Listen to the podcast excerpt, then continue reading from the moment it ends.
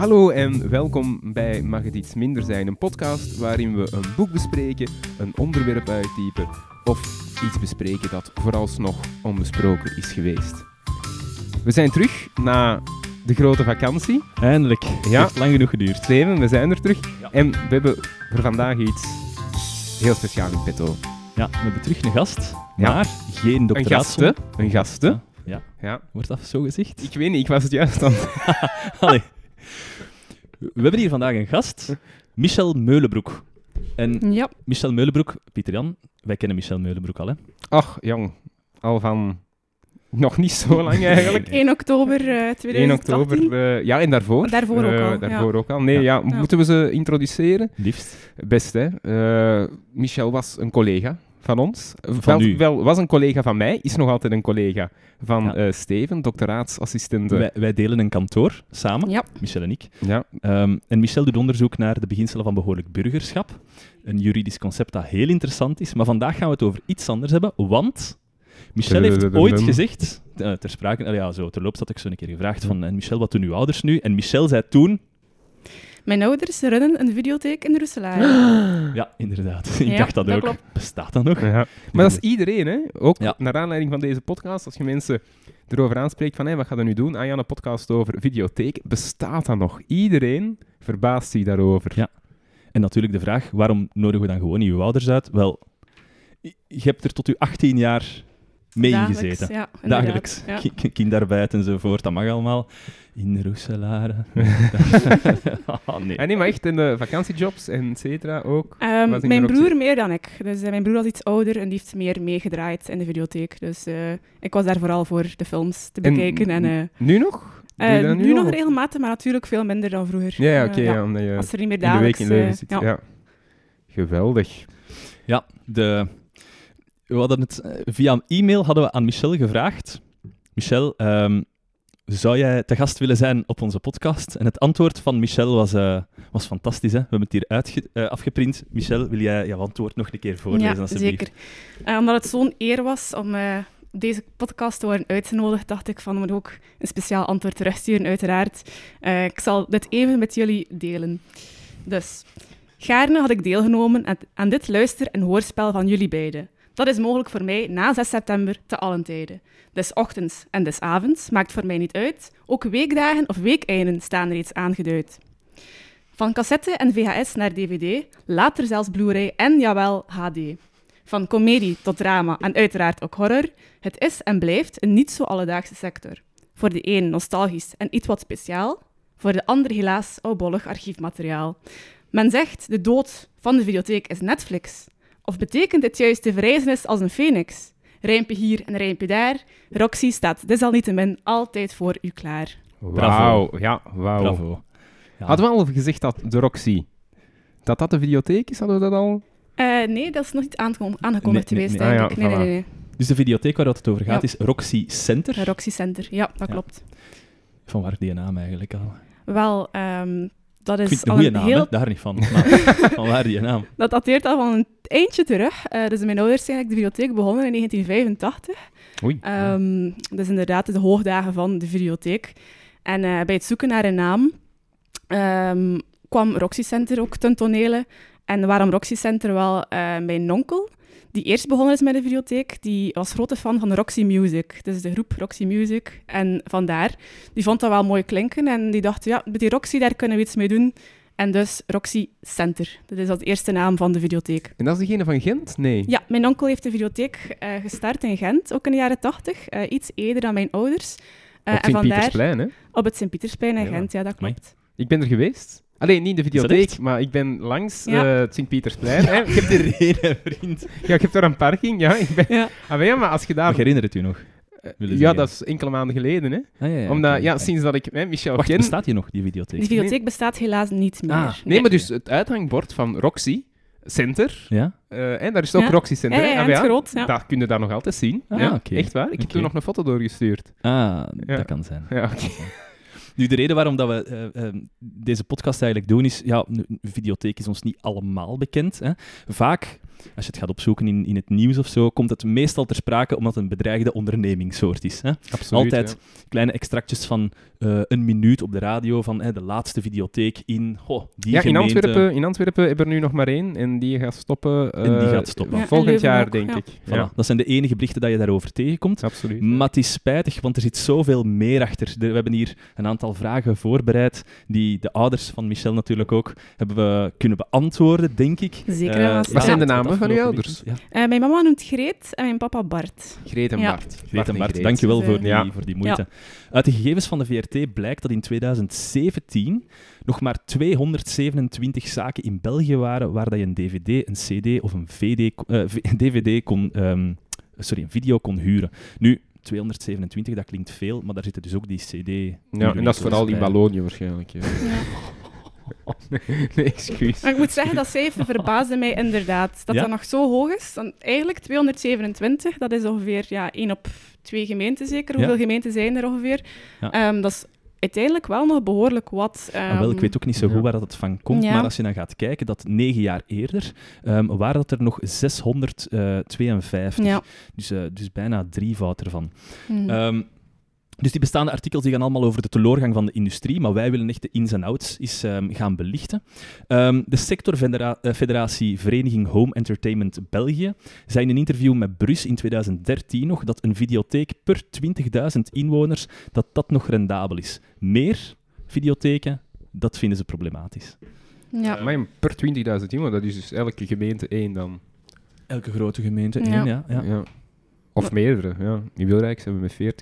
Ja. Ja, Maar we hebben geen videotheken meer. Ja. Wat dat blijkt ook, dat is ehm, vanuit dezelfde bron, dat ehm, in Vlaanderen de videotheken nog voor 55% van de inkomsten ehm, uit de verhuur komt.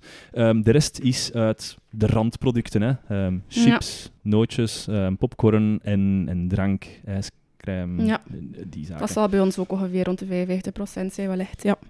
Amai. Ehm, Ja, wat, wat doen jullie? Jullie doen ook eh, chips en et cetera. ja, uiteraard. Als de mensen eh, bij ons komen om een film te huren, dan eh, zijn die randproducten natuurlijk even belangrijk. Een chipje Ja. bij de film, eh popcorn. En is daar vooral op dat je verdient? Of is dat zoals in het restaurant, dat je vooral verdient op de wijn? Goh, op zich, ehm, het is ongeveer 50-50, dus het is niet echt dat we bij het ene meer verdienen dan bij het andere. Eh, uiteraard, ja, als mensen een film komen huren, gaan ze waarschijnlijk niet ook voor evenveel aan chips en drank meedoen. Dus 6 Ja. euro film zal waarschijnlijk niet gelijk zijn aan 6 euro aan eh, cola of chips of dergelijke meer. Dus op zich, die 50% is misschien ook nog wel ruim gerekend. Ik denk dat we het eerst eens gaan moeten hebben over de, de ins en outs van de Roxy Center zelf. Alvorens dat we eens gaan kijken naar ehm, waar het, echt het vuur aan de schenen wordt Ja. gelegd door middel van Netflix, piraterij. ehm, Dit Netflix kill. Dit Netflix Kill the Video, Star. Videostar. ehm, de, Ja. de subtitle van deze, van deze aflevering. Ja. En het antwoord is nog niet zo voor de hand liggend als dat het op het eerste zicht Nee, lijkt. Kleine ook, eh, scoop. Ik heb ook van alles bijgeleerd. Ja. Ja. Ja, Maar blijf zeker en voor- eh, vooral luisteren. We gaan nu eens ingaan. Hoe werkt een videotheek eigenlijk? Zijn jullie elke dag open? Roxy Center Russelaar is inderdaad elke dag open. Ehm, ongeveer van, 9 tot, eh, van 10 tot 12 en dan van 14 uur tot 8 uur, 18 uur. Ehm, sorry, 20 uur of 21 uur. Dus van het weekend verschilt dat nog Ja. eventjes. Dus in het weekend zijn we ook langer open dan in de week nu. Ehm, ik denk dat we ondertussen... goh, we zijn open van maandag tot zondag. En eh, feestdagen zijn wij ook open. Dus in principe zijn wij al zeker een jaar of tien geen enkele dag meer gesloten geweest. Dat is echt Is, is letterlijk... dat nodig? 7 op 7, eh, niet 24 op 24 uiteraard, Ja. maar wel 7 op 7. En als uw ouders dan op verlof gaan, dan neemt iemand dat over. Ehm, dat hangt ervan af, maar eigenlijk eh elk om de beurt. Dus er is altijd wel iemand thuis. Ehm, dat is ook het handigste om de videotheek, om de roulatie te laten doorgaan van de verhuurde films en de teruggebrachte films. Ja, juist. Dus, eh, ah ja, je kunt dat ja. moeilijk cappen natuurlijk. Ja, want- inderdaad. ah, ja. Je kunt de film altijd wel binnenbrengen, ook in een inleverbox. Maar natuurlijk eh, is het handiger als we zelf eens de film kunnen bekijken als die wordt teruggebracht. Dus dat is wel intensief. Zijn jullie dan de enige in Roeselare? Eh, op dit moment wel. Vroeger, pakweg tien jaar geleden, denk ik dat er nog zeker tussen de vijf à tien videotheken waren in Roeselare. Mhm. Eh Roeselare alleen al. En dan langzaamaan één voor één eh, ja, sluiten ze in de buurt. Maar natuurlijk, de klanten die weggaan bij een andere videotheek, komen natuurlijk ook terecht bij ons. Dus op Ja. zich, dan vangen wij wel die klanten op. Ah, wel. En oh, uiteindelijk, inderdaad, qua schaalvergroting, om het woord even in de mond te nemen, juist, juist. Heel goed. Heeft dat heel wel goed. gewerkt, ja. En, en, en welke klanten komen er dan nog altijd naar uw winkel? Ehm, ik, ik kan me inbeelden dat daar eh, een, een aandeel hipsters bij zitten en een aandeel ehm, oudere mensen. Zeg het maar, misschien. zeg het maar. Ik weet Ja. niet, ik weet niet, ja. Inderdaad, heel divers. Eh, jonge mensen, oude mensen, ehm, bijvoorbeeld eh, gezinnen die met hun kindjes komen naar de videotheek, of 60-plussers, of mensen die na werk nog rap even binnenspringen om de laatste nieuwe film te bekijken of te komen huren. Dus op zich is dat wel redelijk divers. Natuurlijk moeten ook wel oh, niet ontkennen dat het wel voornamelijk eh, wat oudere mensen zijn die komen, maar inderdaad ook de kinderfilms doen het zeer goed.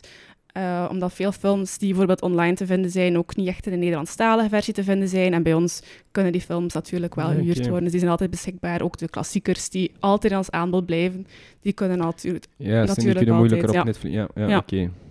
Dus vandaar. Ehm, maar de hipsters die zo de cinefiele film komen bekijken, die zijn er ook zeker bij.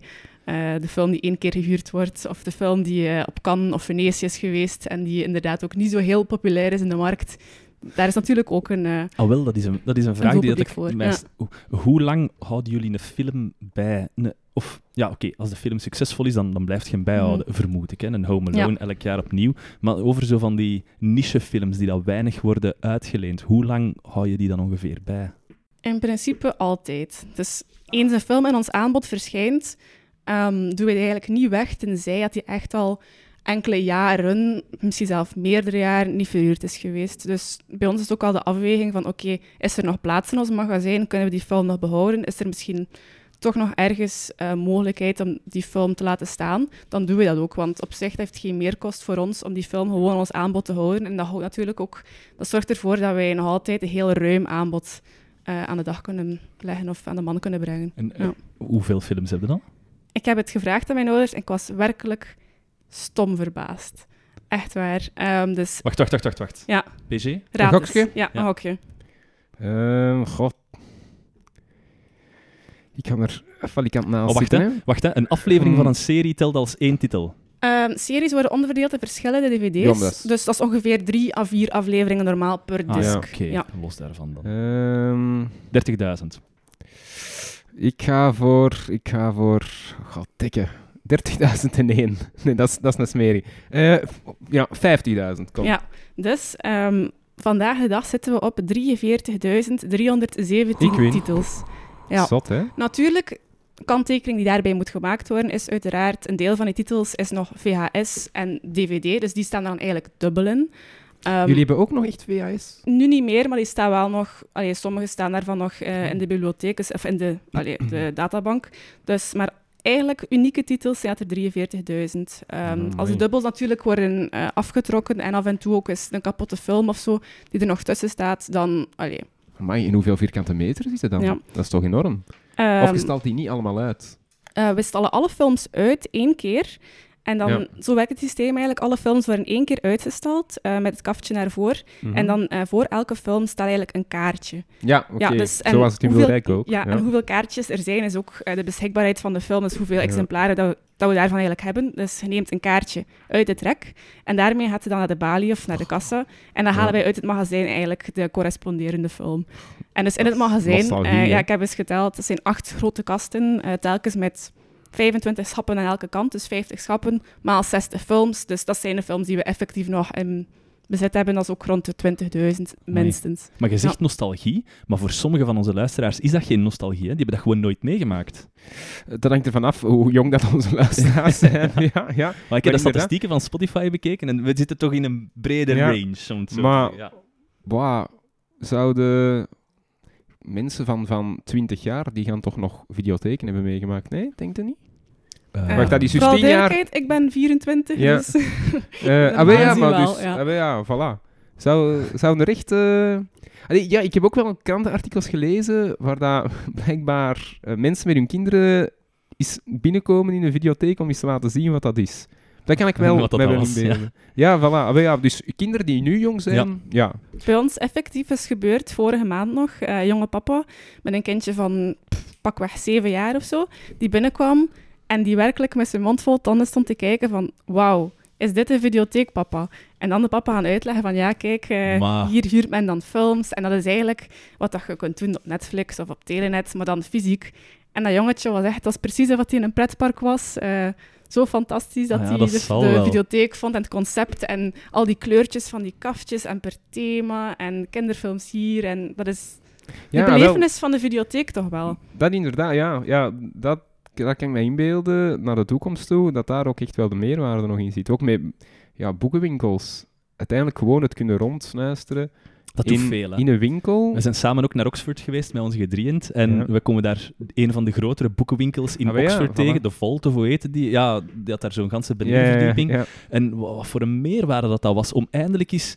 Om niet altijd... eh, het probleem is, als je op bol.com naar boeken zoekt of zoiets, je zit redelijk vaak in de bubbel waarin dat je dan wordt Mhm. gehouden. Terwijl als je rondwandelt in een boekenwinkel of in een videotheek, je ziet het allemaal op je afkomen. Ja, ja, Eh, ja, en- je kunt dus iets vast... Ja, het is En je gewoon denkt, een heel "God, andere ja. Braveheart, dat bestond ook nog. Oh, wat een goede film. Ja, maar, Ja. ja. werd al bekend vergeten.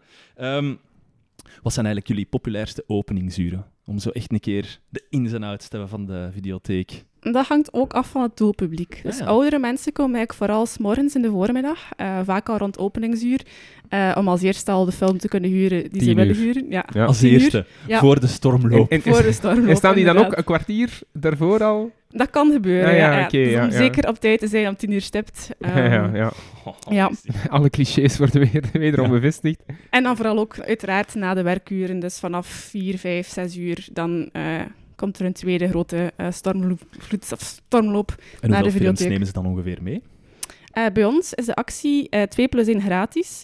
Dus in principe bij het huren van twee films krijg je altijd nog een derde erbovenop. Ah ja. En natuurlijk, omwille van die actie, gaan mensen ook nooit één dvd meedoen, want als Ja. je er twee neemt, heb je meteen ook drie dvd's. Ja. Dus vandaar dat meestal rond de ja, meervoud van die, We- ja, het aantal is. Maar We zijn- hoeveel... We worden niet gesponsord hè, door, door de Roxy. Nee. Eh, dit is, Nog dit niet, is, nog niet. Nog niet. Ja. Dit, is, dit is gewoon voor, voor eh, ja, de inside scoop. Bart en. Greet, ze mogen het altijd. eh. het mag altijd. Ja. Ehm, Nee, maar hoeveel eh, volk trekt het dan zo aan? Oh, excuseer, trekt het dan zo aan? Ja, daar is een moeilijke getal op te plakken, hoeveel mensen op Ja. één dag komen. Ehm, maar bijvoorbeeld vanmorgen was ik ook in de bibliotheek en dat is toch zeker om de vijf à tien minuten iemand die komt, iemand die huurt, ja, en dan, eh, of een paar vragen stelt. Of, dus die frequentie ligt is toch nog redelijk hoog. Amai. En daar verbaas ik me ook altijd over, want nog altijd inderdaad dat er ja, Ja, voilà, want toch dus veel vol komt. het artikel daar over de laatste Antwerpse videotheek sprak over eh, drie, drie personen per dag. Ja. ah ja. Dus dat is dat toch is een enorm, een enorm... Ja, dat, dat is maar lichtelijk is het ook door die actie dan dat je... Ehm, goh, die actie niet per se, maar het is natuurlijk ook vandaag is het een weekenddag. Dus in de week ligt dat aantal ook wel veel lager. Dus dan ook overdag tijdens de werkuren, dan Ja. eh, valt dat ook wel Oké, maar dus je zit dan toch aan, wat, een 100 per dag? Goh, normaal. In het weekend zeker, ja. Ja, dat is maar in toch... de week zou ik het niet durven zeggen. Ja, oké. Dat is toch inderdaad een enorm verschil met, ehm met Ja. Antwerpen dan bijvoorbeeld. Ja. Ja. Wat dat mij ook wel verbaast zou in Antwerpen, want er toch ook allee, substantieel meer Ah, wel. volk dan in Ah. Dus Ja, dat vind ik dus een heel interessante vraag. Ja. Waarom dat een videotheek... Oké, we moeten misschien eh, straks er nog over hebben of dat ze Ja. leefbaar is, maar waarom kun je dat in, in Roeselaar nog openhouden? In Aalst denk ik is er ook nog één. Ja. Eh, en dan dus nog op andere plaatsen. hè. Er zijn nog enkele honderden. Ja. En waarom in Antwerpen... Terwijl In- dat in het Leuven- percentage aan yogasnuivers in Antwerpen substantieel hoger ligt dan bij al de rest. ja, Nee, het is, het is een goede vraag. Ik, eh, ik, ik weet het ook niet. Eh, wat ik mij ook afvroeg is... Oké, je verkoopt nu... Nee, je verhuurt nu dvd's. Waar koopt je die? Ik heb dat proberen op te zoeken op internet. Ze zei dat dat een geheim is uit de sector waar je dat koopt. Maar ik vind dat dus niet, hè. Ja. Is, dat, is dat een gewone dvd dat je in de Colruyt kunt kopen? Ik vermoed van niet, die dat je dan zomaar Nee. in je winkel mocht leggen. Nee, dus eh, wij kopen onze films, onze dvd's eigenlijk aan via een eh, internationale groothandel. Nu, vroeger waren er verschillende groothandels, ehm verschillen over heel België, maar nu is er eigenlijk maar één groothandel voor verhuur-dvd's Mhm. eh, in de Benelux. Dat is een bedrijf dat gelegen is in Nederland. Ja. En dan kopen wij daar onze films aan. ehm Je gaat er dan ter plekke naar daar om te selecteren van... eh, Of nee, dat is gewoon- een digitaal systeem met bestelbonnen. Dat is eh, International Entertainment Services. Dus zelf, zelf Ja. dat is ook wel een ironisch. Zelf maakt dan gebruik van digitaal, digitale tools. Ja, dan, ja. ja, ja. En, en hoeveel films ehm koopt je dan in één keer aan? Van... Dat hangt af dus van de release datum. Dat is meestal één keer per maand of één keer per week. Het hangt er zo'n beetje van af. Mhm. En welke films eh, die uitkomen. Maar dat is ongeveer per maand een vijftigtal films, zoiets. Die kopen wij dan aan om in ons aanbod. En altijd Ja, nieuwe? of of ga je ook Eh, soms op zoek naar vergeten pareltjes? Inderdaad, of, als ja. er films zijn die opnieuw uitgebracht worden op DVD, of Ja. films die wij zelf niet meer hebben omdat die verloren zijn of kapot zijn, Ja. dan inderdaad vullen wij die aan in ons aanbod, normaal gezien. Allee, als dat natuurlijk ook rendabel blijkt, of als daar opportuniteiten voor zijn en anders. En is dat dan Hm. duurder als wij een, eh, een koopfilm gaan halen in de Colruyt of zoiets, of in de FNAC? Dat was het systeem eigenlijk vroeger. Eh, vroeger was er een systeem van koop-dvd's en huur-dvd's. Ja. En dan moesten wij eigenlijk de huur-dvd's aankopen. Ehm, dat kon over redelijk grote bedragen gaan, en uiteraard die dvd's zijn dan duurder.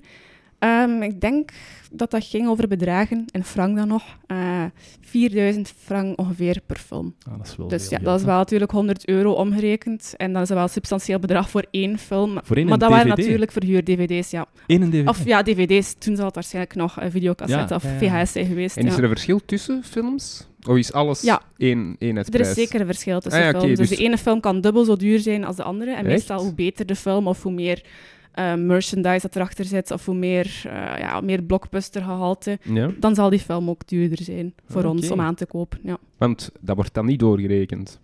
Eh, dat is nu het systeem van al- huur-dvd's ja. en, en, en koop-dvd's bestaat eigenlijk niet meer. Dus nu Nee. betalen wij ongeveer tussen de 10 en de 20 euro per film. Ja, maar dat varieert naar lang welke film of welke soort film. Dus meestal cinefiele films zijn wat iets goedkoper. Grote Hollywoodfilms zijn dan iets duurder. Eh Blu-ray is uiteraard ook veel duurder. Zeg, en als zo'n een, een blockbuster uitkomt in de, in de cinema, is er dan een, een, soort van sperperiode waarin dat de videotheken de films niet in de rekken mogen leggen? Of Ja, dat is eigenlijk het systeem hoe dat filmdistributie werkt. Eh, dat is niet zo eh, gemakkelijk om uit te leggen, maar dus voor het maken van een film heb je verschillende fasen. Eh, eerst heb je natuurlijk de productiefase van de film. Dus eerst de pre-productie, de productie. En eh, nadat de film eigenlijk klaar is, na de postproductie, en dus eigenlijk de gehele film een afgewerkt geheel is, dan eh, gaan de producenten eigenlijk op zoek naar een filmdistributeur. En die filmdistributeur, ehm, ja, er zijn er heel veel gekende, zoals ehm 20th Century Fox, eh, Paramount, Universal. ja, Universal. ja. Eh, dus die gaan eigenlijk ehm, de hele postverkoop en ja, de hele na... hoe moet ik dat zeggen? De hele naverkoop in handen nemen. En die bepalen eigenlijk waar en wanneer dat welke film gereleased wordt. ja. Dus zowel in de cinema als na de cinema als op tv. mhm. Dus eh, die gaan eigenlijk ook gaan onderhandelen met de verschillende landen. Van oké, eerst in de VS en dan in Europa, dan in Afrika of in Europa. Eh, dus in alle verschillende continenten komen daar ook op verschillende momenten uit. En ehm, dat bepaalt eigenlijk ook hoe lang het duurt nadat een film bijvoorbeeld in de cinema is gekomen, hoe lang dat het duurt om op DVD eh, uitgebracht te worden. En meestal is dat pff, twee maanden, drie maanden, maar dat kan ook veel korter zijn. Dus dat hangt ook af van als de film het heel goed doet in de cinema of in de bioscoop, Ja. dan ehm, natuurlijk dan gaat de periode waarin dat hij speelt ook langer duren. En Mhm. komt hij dus later ook uit op DVD. Ah, later uitkomen op DVD? Ja. Of hebben jullie die al en mogen jullie die gewoon niet in de rekken leggen? Ehm goh, nee, eh, in principe is er ook voor dvd's een release datum die vast bepaald wordt. Dus bijvoorbeeld op 2 oktober komt die film uit op dvd en dan Ja. eh, kunt je die ook verhuren. Ja. Ah, oké. Ja, en is daar een verschil tussen videotheken nog in Vlaanderen, in België? Nee, dus dat is gelijk over heel België normaal gezien, de release datum. Ja. Ja. Wat ik mij ook afvraag is zo... ehm, ja, vroeger lag uw, uw videotheek dan vol met VHS-banden, wat dat dus ten eerste qua ruimte al redelijk eh, wat plaats inneemt. En dan komt die overschakeling naar DVD. Was dat, was dat redelijk brusk of ging dat, ging dat geleidelijk aan? Want ik Mhm. weet nog dat bij ons een DVD-speler vroeger, dat, dat kostte toch al gauw 100 euro of zoiets om een Ja. DVD-speler Ja. te kopen. Allee, in het begin waarschijnlijk nog, nog Mhm. pakken duurder. ja, voilà. Maar, maar dan vraag ik me af, zagen jullie daar zo'n schokgolf in dat ineens die een DVD heel populair wordt? Of was dat heel geleidelijk aan over een paar jaar dat dan alles uitoefende? Ja, mijn ouders zijn begonnen in de jaren 80 ongeveer. Dus de VHS zelf bestond toen al, mm, ik denk, ja, een kleine tien jaar. Dat is uitgebracht in 1976, dus de VHS als drager van de Ah, ja. film. Ehm, en dan de DVD is eigenlijk gekomen in 1996 pas. Dus de videotheek was dan al een goede tien jaar bezig, dus dan moesten we inderdaad ons hele VHS-aanbod omzetten naar een DVD-aanbod. Eh, daar is wat tijd over gegaan, Ja. uiteraard. En dan hadden we eigenlijk op een bepaald moment de twee. Dus twee parallele circuits. Enerzijds de VHS-verkoop of verhuur en anderzijds de DVD. En die hebben eigenlijk lange tijd naast elkaar bestaan, totdat eigenlijk de VHS langzaamaan is uitgedoofd en dat er ook geen VHS-cassettes meer werden uitgebracht. En natuurlijk, dat is het moment om te zeggen, nu gaan we volledig overschakelen op DVD. En, en konden de mensen dan in het begin nog een dvd-speler huren of zo? Ehm, Eh, dat hebben wij nooit gedaan, DVD-spelers Ja. verhuren. Kon, kon het? ik Weet je niet. er weet van? Ah, ja, oké. Maar, maar soms bij zo ehm, die videotheken die dat ook spelletjes verhuurden, konden Mhm. ook af en toe een, een gameconsole erbij Ah, huren voor een bepaalde periode. Maar dat was dus... Ja, met Dat hebben wij vroeger wel gedaan, dus gameconsoles Mhm. verhuurd. ehm, en ook de bijbehorende spelletjes. Ja. Ehm, denk maar aan een PlayStation of een Nintendo. Eh, en dan verhuurden wij dus effectief de console en ook eh, de bijbehorende spelletjes. Maar in 2008 ehm, is dat eigenlijk verboden geworden. Want in principe, het verhuren van spelletjes was eigenlijk altijd niet echt toegelaten. Eh, ja, niet echt toegelaten, deden dat inderdaad. gewoon. Nee, maar er was een gedoogbeleid, ja. Ah, dus- ja. Juist. ja. Ja, dat mag het, hè. Dus Dat mag het. Dan mag het, ja. Ja. Tot in 2008 dat de, ehm, ja, de Belgian Entertainment eh, en nog iets eh, heeft beslist van ja, oké, dan gaan we nu eh, het verbod gaan we eigenlijk strikter gaan toepassen en ehm, het is effectief verboden om nog verder spelletjes uit te brengen. Natuurlijk, al die spelletjes hebben wij toen uit te verhuren moeten halen, ehm, wat natuurlijk wel leuk was voor mijn broers en mij. Ja, maar ja, want wat doe je daar dan mee? Je Ja. houdt die gewoon zelf. dus we ja. hebben een deel gewoon eh, verkocht en een deel natuurlijk eh, ja, Ja. ten huize Meulenbroek. maar ten, ten, op het einde van de, van de levensduur van een dvd verkoopt je die ook, vermoed ik. Die liggen dan ergens in een soort van grabbelbak. Ja, een dvd die ongeveer 50 keer verhuurd is geweest, heeft Ja. eigenlijk ongeveer het einde van zijn eh, levensduur bereikt. Ja, ongeveer Ja, 50. zo snel. Het hangt er dan af natuurlijk wie de film weinig, huurt. hè? Ja. Ja. Ah, kinder-dvd's. ja, die doen het eh, minder lang dan andere films, dat klopt. Ja. ja, maar dat is inderdaad niet veel. En, Ja. en, en, dan, en dan verkoopt je die... Of, of zeg je van, kijk, je mocht hem huren en je mocht hem houden nadien. Hoe zit dat dan? ja, dan nemen we die gewoon meestal uit verhuur. Als die echt niet meer verhuurbaar is, eh, dan is die ook niet meer verkoopbaar en dan gaat hij die ook niet meer verkopen, want ja. En ten tijde van de VHS hadden jullie dan in, in, in de backroom zo ehm, tien VHS-recorders die constant films aan het terugspoelen waren voor de mensen die dat thuis niet deden? Want dat werd gevraagd, hè, als je een VHS ging huren. Ja, want hadden dan geen hem boete? terug. Hadden Ja, geen eh, boete dat- als kreeg je... je een boete? Dat denk weet ik eigenlijk wel. niet. Nee. Ah, wel, ik had, ik had een documentaire gezien op... ehm, eh, op Met Mark Krijnenboom? nee, op, ja, ik kijk. Nee, ehm, op, op, op YouTube met, met, met, een, ehm, met, een videotheek uit Bader. En die zei, wij geven geen boetes, maar als je er tien teruggespoeld binnenbrengt, dan krijg je er een gratis. Dan kun je er een Ah, gratis en, en huren. je Dus dat krijgt dan een, kaartje mee. verloningssysteem. Ah, ja, ja, ja, ah, ja, oké. ja. Zo met een klantenkaart van 10 teruggespoelde films. Ja, En ja, dan ja, ja, eentje. ja. Dat, Ja. dat zou een systeem geweest zijn dat wel gewerkt zou kunnen hebben, denk ik. Ja. Ja, dat is zo de stick in de, de carrot. Over Ja. klantenkaarten gesproken, Michel. Ik heb jullie twee klantenkaartjes cadeau gedaan. Yes! Ja, dat is zover. Ja, is zover. wanneer Ja. zijn we weg? Waar liggen ze? Waar liggen ze? Kunnen we ze er even bij nemen? Ik denk niet dat ze hier liggen. Ah, eh, oké. Die zijn Ik ergens... Ik denk, ik ja. denk dat, ik denk dat ze Oh. in je living Ja. liggen. Ze liggen in de living, Ja. oké. Oh, maar wacht, ik, ik zie hier iets anders op tafel liggen. FC de Kapoenen. Ehm, we gaan, nee, we gaan het daar straks, we gaan het daar straks over hebben. Ik dacht, maar, ik dacht, dat, out of the blue. ik dacht dat die daarin zaten. Nee, ze zitten hier niet in. We gaan het straks over FC de Ja. Kapoenen hebben. Eh, nu, ehm, de Blu-rays, zijn die populair?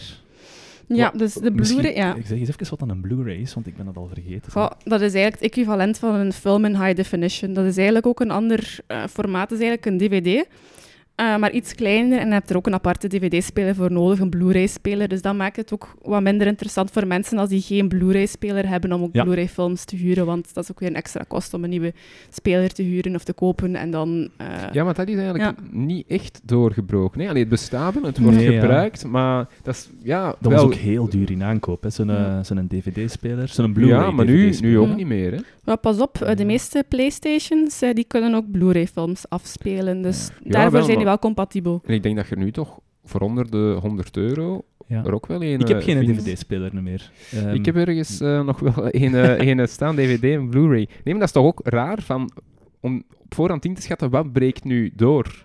Ja. Oké, want je VHS naar DVD, hè, dat is dan volledig doorgebroken. Ja. Maar dan DVD naar Blu-ray, dat blijft dan toch ergens steken.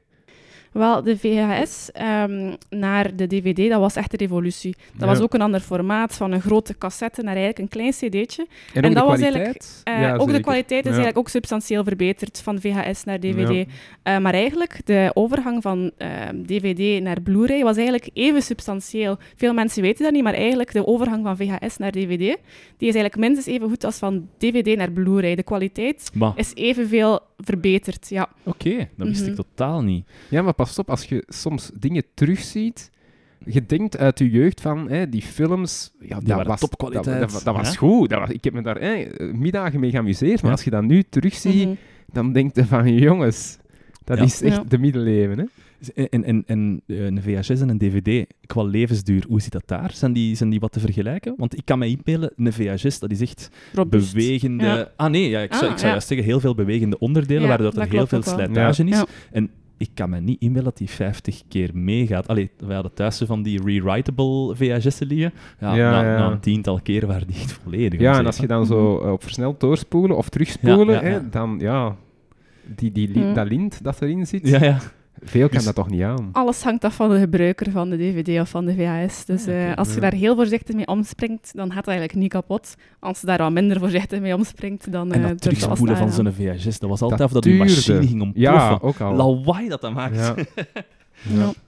En, en wat was eigenlijk het duurste in de hoogtijd? De hoogtijd van een VHS te- tegenover een DVD. eh, om, om aan te kopen dan, hè? Ja, ten tijde van de huur-dvd's versus de koop-dvd's ehm, was, of, of VHS-cassettes, Ja. dus het verschil tussen huur en koop, dan was dat natuurlijk wel eh, de VHS veel duurder. En nu, door de technologie, het is veel minder productiekost ook om een, om een CD te maken dan Ja. natuurlijk om een VHS-cassette te produceren. Eh, dus ook de, de kaftjes zijn kleiner, ehm, dus alles is compacter.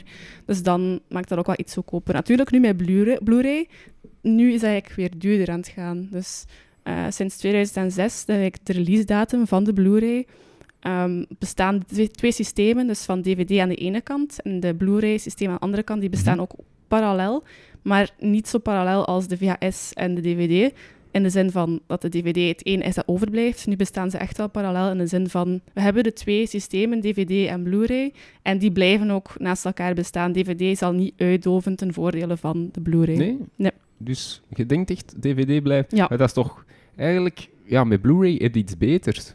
Maar dat breekt dan... Dat is toch raar, dat dat ik dan niet vraag me doorbreekt. gewoon af, waarom zit dat niet op USB? Wat is de reden waarom dat je geen films kunt huren op een, op een USB-stick? Een USB-stick dat kost Hmm. niks. Je hebt direct, of is dat omdat je dan het digitale bestand, Ja. hebt in plaats Ja, van voilà, Mhm. ja. op, op, op een optische schijf? Of, of het eigenlijk... Ja, ik, ik weet het niet, hè? Ja, zo'n DVD of zo'n Blu-ray dat zal beveiligd zijn tegen eh, Mhm. kopiëren. Ja. Dus Ja. waarschijnlijk ook daarom, ja. Zeg, in 3D-films, wordt dat vaak gemaakt, verhuurd? Nee, dan op een eh, op verhuurniveau zijn 3D-dvd's of Blu-rays eigenlijk ehm, quasi onbestaande in de zin, de mensen moeten ook al een apart ehm, ehm, tv hebben die d- 3D kan afspelen. En dat is ook niet echt geenzelfde ervaring als je zou hebben eh, in de bioscopen Ja. bijvoorbeeld. Ja. Ja. ja, dat is ook iets dat niet doorbreekt. Hè. Ja. Nu- Zelf, in de op- op- bioscoop eh breekt Nee, eigenlijk ook, ook niet echt door 3D, Ja. dus dat blijft nog altijd. Ons vader had zo'n eh, een, een 3D-tv gekocht en dan daar ook dan de 3D-brilletjes bij. En dan, dan staan er zo'n aantal standaardfragmenten op van iemand dat zo'n tennisbal omhoog smijt. En zegt, oh kijk, die tennisbal komt uit een tv, maar verder dan die standaardfragmenten gaat dat ook Nee, niet. Hè. Dan zit daar met zo'n die keizware bakken op je hoofd, waar je dan, en Thomas kon Ja, dat heel goed kop- beschrijven, je krijgt dan gewoon koppijn van een nieuwe film eens doen. En is dat duurder? Om zo'n eh, DVD, zo'n 3D-DVD? Ik weet dat niet. Dat was, eh, de dvd's hebben we daar nooit op afgespeeld. Gewoon die standaard fragmentjes al op die tv Ah, stonden, Ja, van zo'n ja, ja. smart tv. Ehm, in welke talen hebben jullie eigenlijk allemaal films?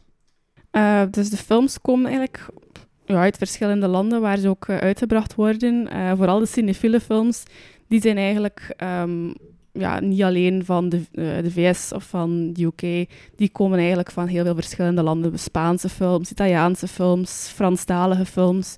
Dus op dat vlak is er wel eh, een ruim aanbod. Ook zeker bijvoorbeeld Aziatische films, Japanse films. Eh, daar is er zeker ook een genre voor. Bekijken jullie elke film die jullie Nee, presenteren? Ik denk dat zou een beetje re zou redelijk onmogelijk zijn als je dat net gehoord hebt, 43.000. Eh, ik denk Ja, dat dat niet over- bekijkbaar is in een mensenleven, eerlijk gezegd. Nee? Op 35 jaar zou dat niet...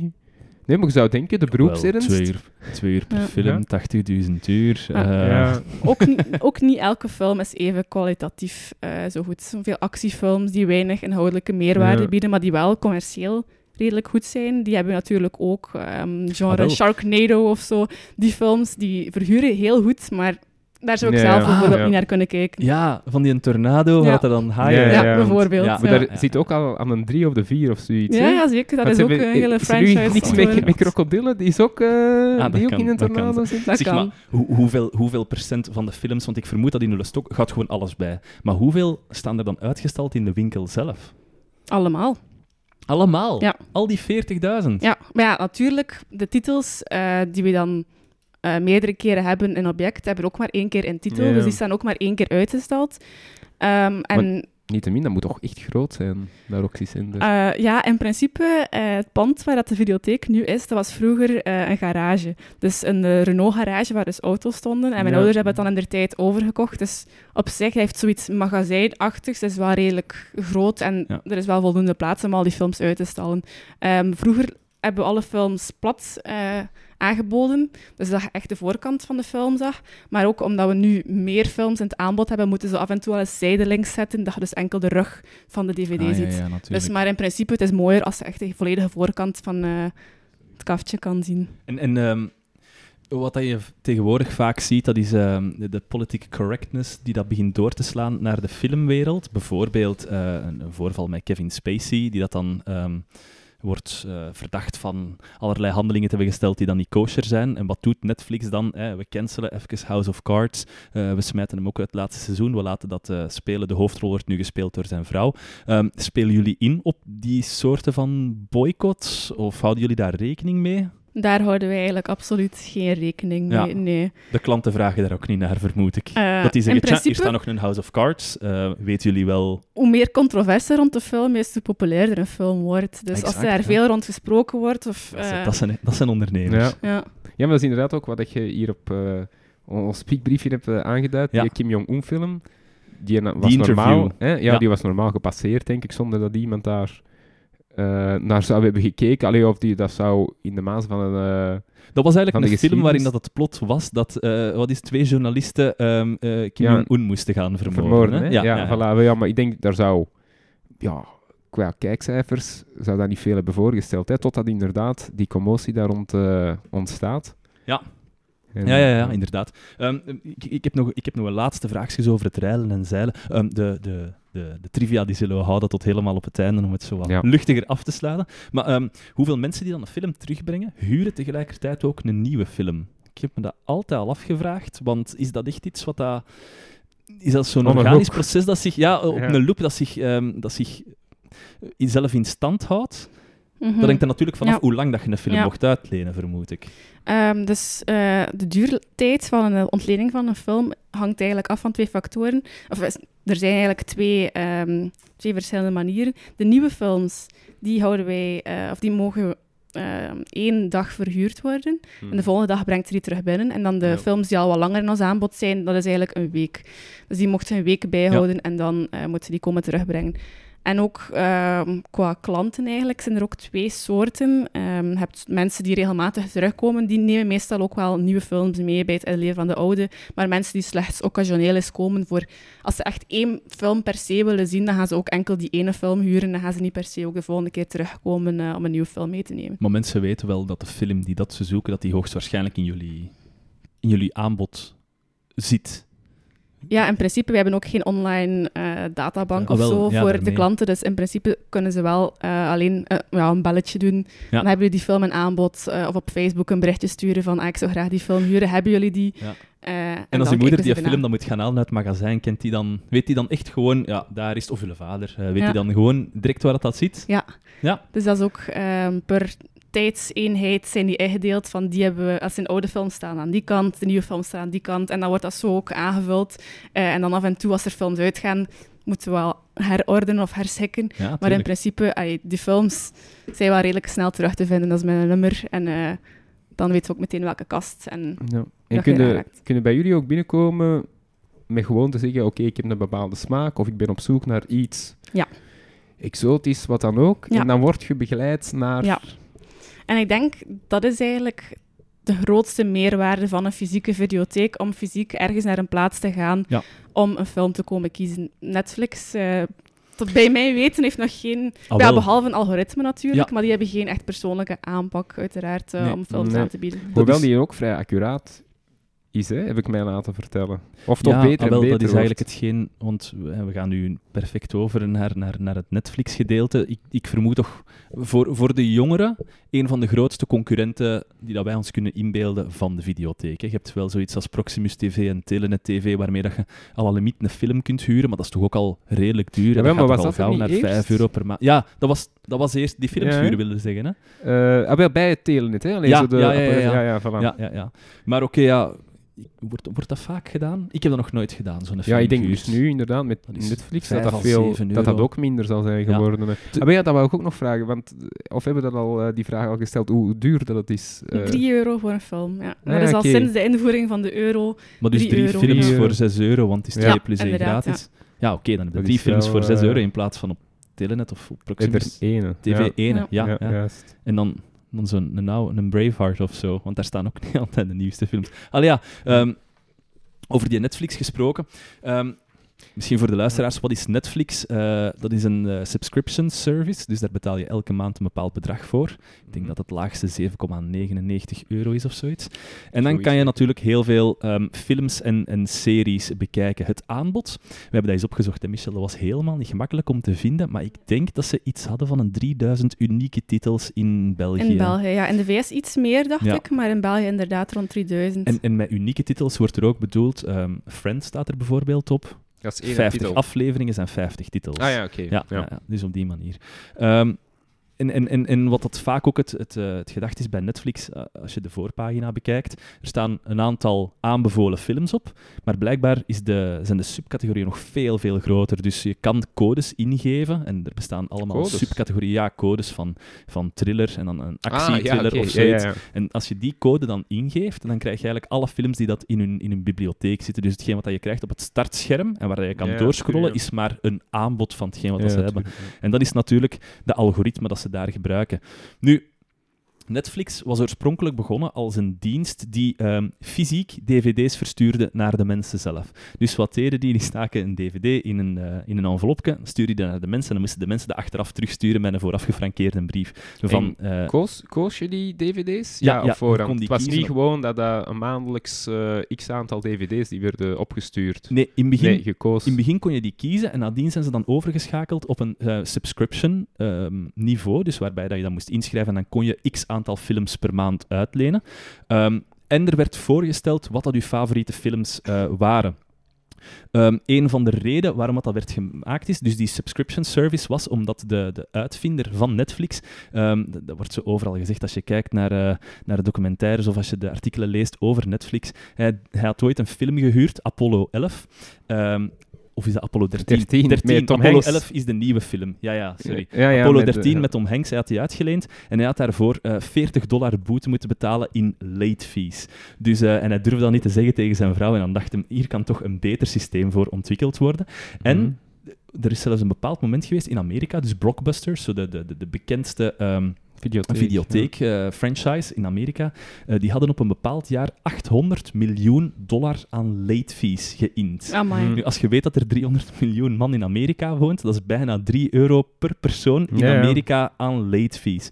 Dus daar was al zo, ja, ook een geweldige rel tegen die late fees. Maar wacht, en wat is dan het voordeel dat Netflix bood? Dat je, die, dat je geen Dus- late fees had? Ja, Mhm. ja, inderdaad. Dat je Ah, geen je late fees had met de maar je subscriptions. Je moest ze wel terugsturen, maar zij zorgden ervoor dat je geen late fees meer had. Als jij die film nog altijd bij u had, dus je kon Ja. 20 films per maand uitlenen, als jij die niet indient, Ja. pak, pak nu 20 Ah, ik kreeg er gewoon geen dan kreeg nieuwe. je er gewoon geen nieuwe. Ja, Oké, ja. ja. ja, En zij, zij werkten ook met een sheet dat je dan kreeg. Ja, kijk, gebaseerd op uw voormalig kijkgedrag stellen wij u deze nieuwe films voor. Ah, ja, dat wel al. Dus er was al wel een soort van service van persoonlijke Ja. begeleiding. ja, ja, ja, nu ja. eigenlijk ook is- al doen. Hè? Dat Ja, ja, je ja, inderdaad zeker. gevraagd wordt om ehm, Ja. te ranken en dat ze dan een, eh, een eigen voorstel Ja, doen. dat is hetgeen wat dat hun, dat hun echt op de kaart heeft gezet. Dus en Netflix begon dan te concurreren met Blockbuster. Blockbuster, dat was echt ja, de, de hele grote video-franchise in Amerika. Netflix heeft uiteindelijk ook gevraagd aan Blockbuster, willen jullie investeren? Willen jullie een, ja, een, een financier zijn, zodanig dat wij nog tot een groter niveau kunnen Mhm. gaan. Dus eigenlijk samen gaan. Ja. Eh, Blockbuster heeft dat afgewezen. En dan zijn ze de in... eh, hoogmoed van... Ja. Uiteraard, Ja. 2010 zijn ze dan failliet gegaan. De laatste blockbuster die staat op dit moment nog altijd in ehm, Oregon, of? Bend, ja, Bend, de, het dorpje Bend in de staat Oregon, maar dat is blijkbaar zo nogal een hipster town. Ja. Daarmee dat dat nog altijd redelijk goed werkt. Die werken zo met de... De Amerikaanse roeselaar eigenlijk. Ja. Of het Amerikaanse Ja. roeselaren. Nee, maar wat ik mij afvraag, eh, naar videotheken toe, was dat op dat moment dat Netflix met dat idee komt, allee, zeker dan hè, het digitale, was dat op dat moment duidelijk van, oh shi- shit, we zitten hier met een probleem, of dit is het begin van het einde, of het begin van iets nieuws, minstens, of... Maar In welk jaar kwam Netflix precies op in de VS? Is dat begin 2000 of zelf eerder? Ik heb dat opgezocht. Ehm, ik weet het niet. Ja, maar eigenlijk ehm, bij ons in België was er eigenlijk vooral eerst de beweging van eh, de grote spelers zoals Telenet, die Ja. ook eh, digitale tv begonnen eh, aan te bieden. En eigenlijk ook digitale films die je kon huren. Eh. Dus ook gewoon rechtstreeks via je tv. Dus dat was eigenlijk de eerste stap. En dan de tweede stap is eigenlijk ook eh, het ruimer internet gegeven. Dus waar Netflix ook onder valt. Bij ons valt dat ook onder het, het, ja, het internet-tijdperk. dus Ja. dat komt eigenlijk daarna nog. Had jij mij eens niet gezegd dat, dat je de concurrentie echt begon te ondervinden, althans je ouders toch, wanneer dat ehm, met de digicorder je films kon opnemen die dan Ja, op tv verschenen? Dat was eigenlijk het begin. En ja. waarom dat juist? Goh, omdat mensen eigenlijk vaak eh, een bepaalde tijd wachten om een film eh, te huren. Dus Ja. eerst komt hij in de bioscoop. Dat zijn de mensen die hem zeker als eerste willen zien. Dus die gaan eigenlijk naar de bioscoop. De mensen die kunnen wachten om een film te zien, Ja. die kunnen enerzijds wachten tot de film eh, verhuurbaar is, maar ook anderzijds wachten tot de film op tv komt.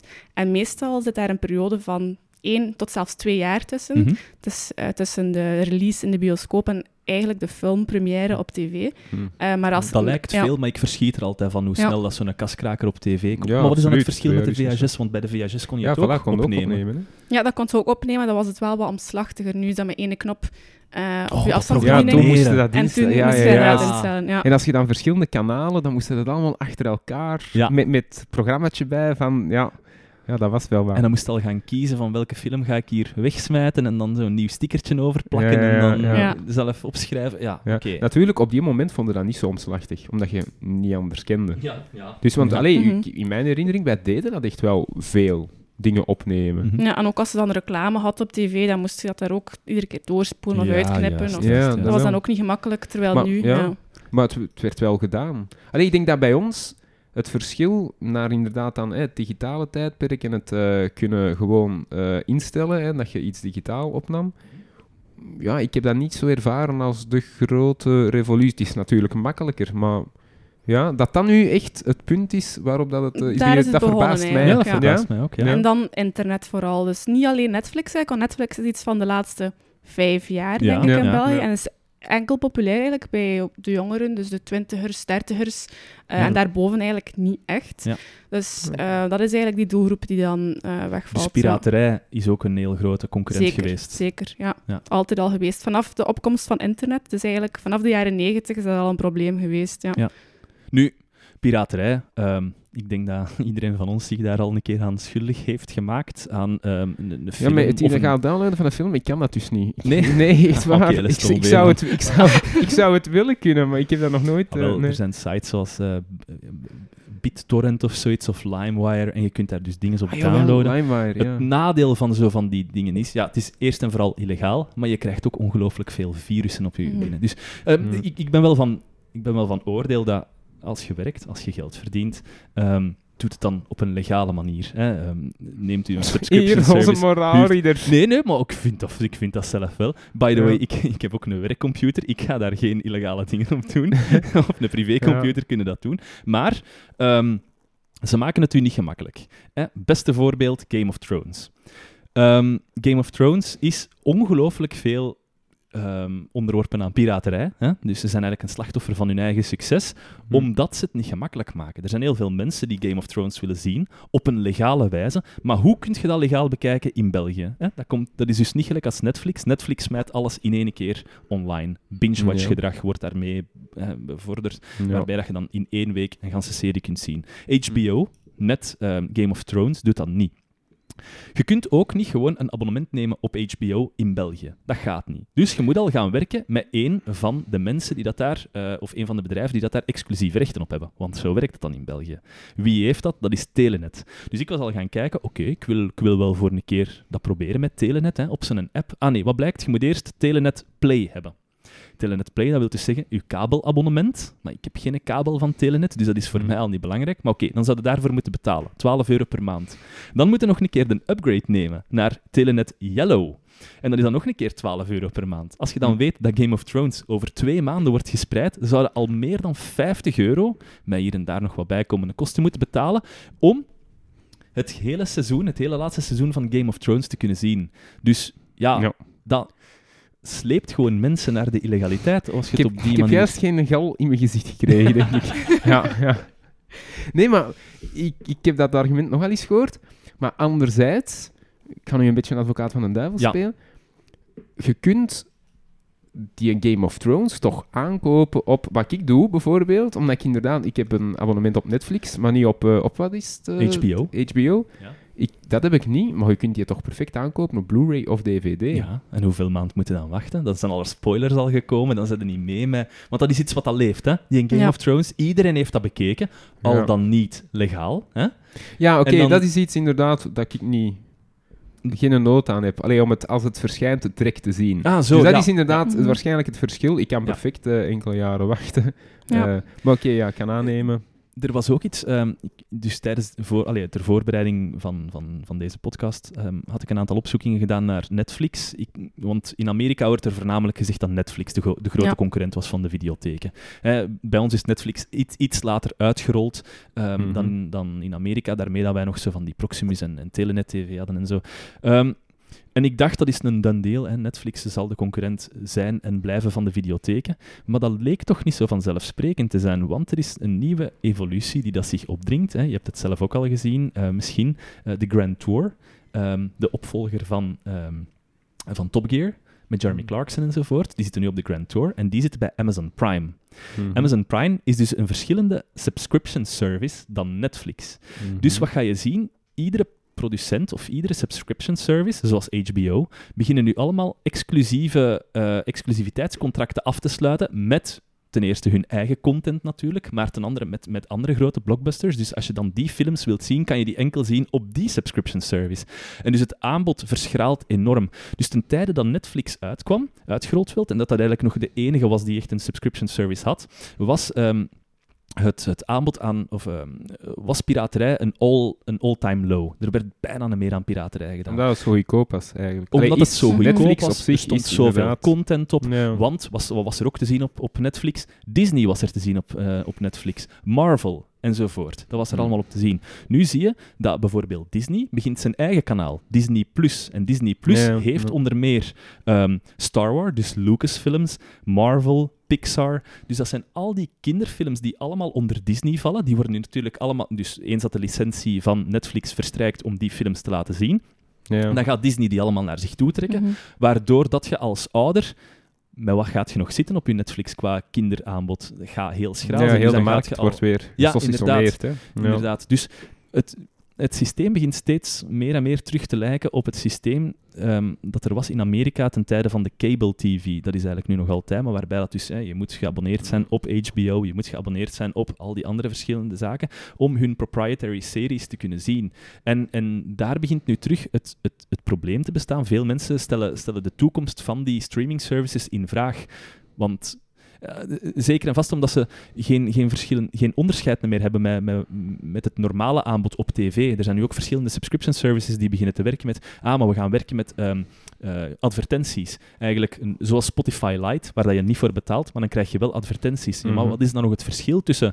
ehm, een subscription, subscription service, waar dat je advertenties ziet, waar dat je een heel marginaal aanbod hebt, omdat de eh, exclusiviteitsrechten bij de andere streaming services zitten. Dus die positie die kunnen we toch ook niet zo for granted nemen dat dat echt een, de meest dominante speler gaat zijn. Dat gaat sowieso afgezwakt worden. Tenzij dat je kiest om alle subscription services te samen te nemen, maar dat gaat niet zo zijn. Ja, ja ik, maar het zou denk ik, natuurlijk kunnen dat inderdaad die een backlash, eh, of backslash, wat is het? No- eh, nog wel komt, hè, in de zin van dat dat de, de vraag gaat verminderen. En dat dat ook wel een signaal gaat zijn naar die spelers om eh, rechten toe te staan op series die men dan zelf maakt, om Ja. andere eh, platforms ook rechten te geven. Zou wel kunnen. Allee, om, om nu te zeggen van, hè, van ik heb ook eh, die artikels wel bekeken, is dat het einde van Netflix of is dat het begin van het einde van Netflix? Ja. Ja, oké. Dat denk ik niet. Dat Ja, denk wel, ik nee, niet. voilà. Mhm. Misschien dat er eh, die evolutie die je nu ziet naar alles onder zijn eigen platform te brengen, hè, dus het, het eh, eh, ja, socialiseren van de markt verder. Mhm. Oké, misschien dat dat wel gaat worden teruggedraaid of dat men daar een oplossing voor gaat moeten vinden. Want dat was ook in die documentaire, dat vond ik ook wel interessant, dat vroeger, ehm, dus ik spreek over de jaren 30, 40, eh, dat het systeem zo was dat de productiehuizen, dan in Amerika, de productiehuizen Ja. hun eigen cinemas hadden, hun eigen bioscopen. Ja, dat wist ik niet. Ja. Eh, en dat men eigenlijk het Ja. ook probeerde ja, zo te doen dat men eh, de films die men dan maakte alleen, of toch in de eerste plaats, dat men die liet spelen in hun eigen cinema, in hun eigen Ja. eh, bioscoop. En dat men dus ook probeerde hè, de markt op die eh, manier te beïnvloeden. Eh, dat men, dat men eh, ja, eh, keek naar eh, bevolkingsdichtheden, eh, smaken, Mhm. et cetera. Hè. En dus dat men ja, bioscopen van eh, andere productiehuizen Ja. of andere ehm, eh, onafhankelijke bioscopen, dat men die achter, eh, achterop Ja. stelde. En dus daar is blijkbaar dan de overheid intussen gekomen. Hij heeft gezegd dat dat ehm, een misbruik was van mededingingsrecht, of dat er een probleem Mhm. was van mededingingsrecht, is de overheid Ja. intussen gekomen. Mhm. Ehm, dus ja, daar heb je wel dan een omschakeling gezien. Misschien dat dat hier... eh, want volgens mij wordt in die documentaire ook opgeroepen mm, eh, van, ja, de overheid moet misschien hier eh intussen komen en ervoor zorgen dat er ja, bepaalde rechten kunnen worden toegestaan, of dat je verplicht bent. Natuurlijk, hè, daar raakte dan auteursrechten aan, wat ook een gevoelige is, maar dat je verplicht zou kunnen worden om eh, tegen betaling uiteraard een deel van je content eh, ook beschikbaar te stellen aan andere, aan andere Daar weet ik niet genoeg van. Ja. Nee, nee, maar wel. Dus, maar Ja. dus blijkbaar is het... eh, sorry, en dan ga ik u eh, laten spreken. Eh, dus blijkbaar is het wel al gebeurd. Eh, dat verbaasde me wel. Dus dat de overheid... Dat is toch vrij intrusief, hè? Mhm. Want je zou zeggen, oké, ik maak een film, dus ik beslis waar hem draait. Mhm. En als ik dat enkel in mijn bioscoop wil, wil laten zien, ja, so be it. Maar daar is de overheid... Nee, ik Mhm. spreek over Amerika, hè, Ja, hoe ja. dat hier zit. Is men toch ehm, in, intussen gekomen. Dus dat verbaasde me Ja, zeker financieel gezien, ehm, als een film in de bioscoop komt, dan is 90% gemiddeld te zien van alle inkomsten wordt eigenlijk in de eerste week of in het eerste weekend gedraaid. Amai. Dus natuurlijk, dat is ook heel veel van, van een groot belang. Ehm, dat eigenlijk, dat eerste weekend waarin dat die film uitkomt. Dus een film komt meestal uit op woensdag. Eh, Ah, en is dan-? Ja, dus in de bioscoop is het altijd woensdag de nieuwe release. En wat is de reden daarvoor? Ehm, waarschijnlijk midden van de week ehm, een aanloop naar het weekend. Als de film Ah ja, echt letterlijk in het weekend... Dat je zo eh, wat kunt... ja, eh, inderdaad. want er zal waarschijnlijk ook een andere reden zijn. ja. Ja. Er zal waarschijnlijk ook een andere reden zijn. maar dus, eh, een film komt altijd uit op woensdag in de bioscoop. En dat is ook de reden waarom dat bijvoorbeeld een film ook... ehm, als je binnen twee à drie weken een film wil bekijken... eh, het aanbod van de bioscoop is vaak beperkt tot de volgende week of de volgende twee Ja, weken. absoluut. Dus de- ja. je kunt geen maand of twee maanden op voorhand kijken naar welke film zal ik gaan en wanneer zal die spelen. Want die, eh, die kalenders worden eigenlijk ook Men evalueert gewoon elke geëvalueerd. week. Ja, inderdaad, van speelt die film goed, dan gaan we hem nog een weekje langer of twee weken langer laten spelen. Speelt hij minder goed, dan halen we hem uit het aanbod. Omdat je ook betaalt waarschijnlijk per week dat je een film als bioscoop in je aanbod houdt. Ja, Ja.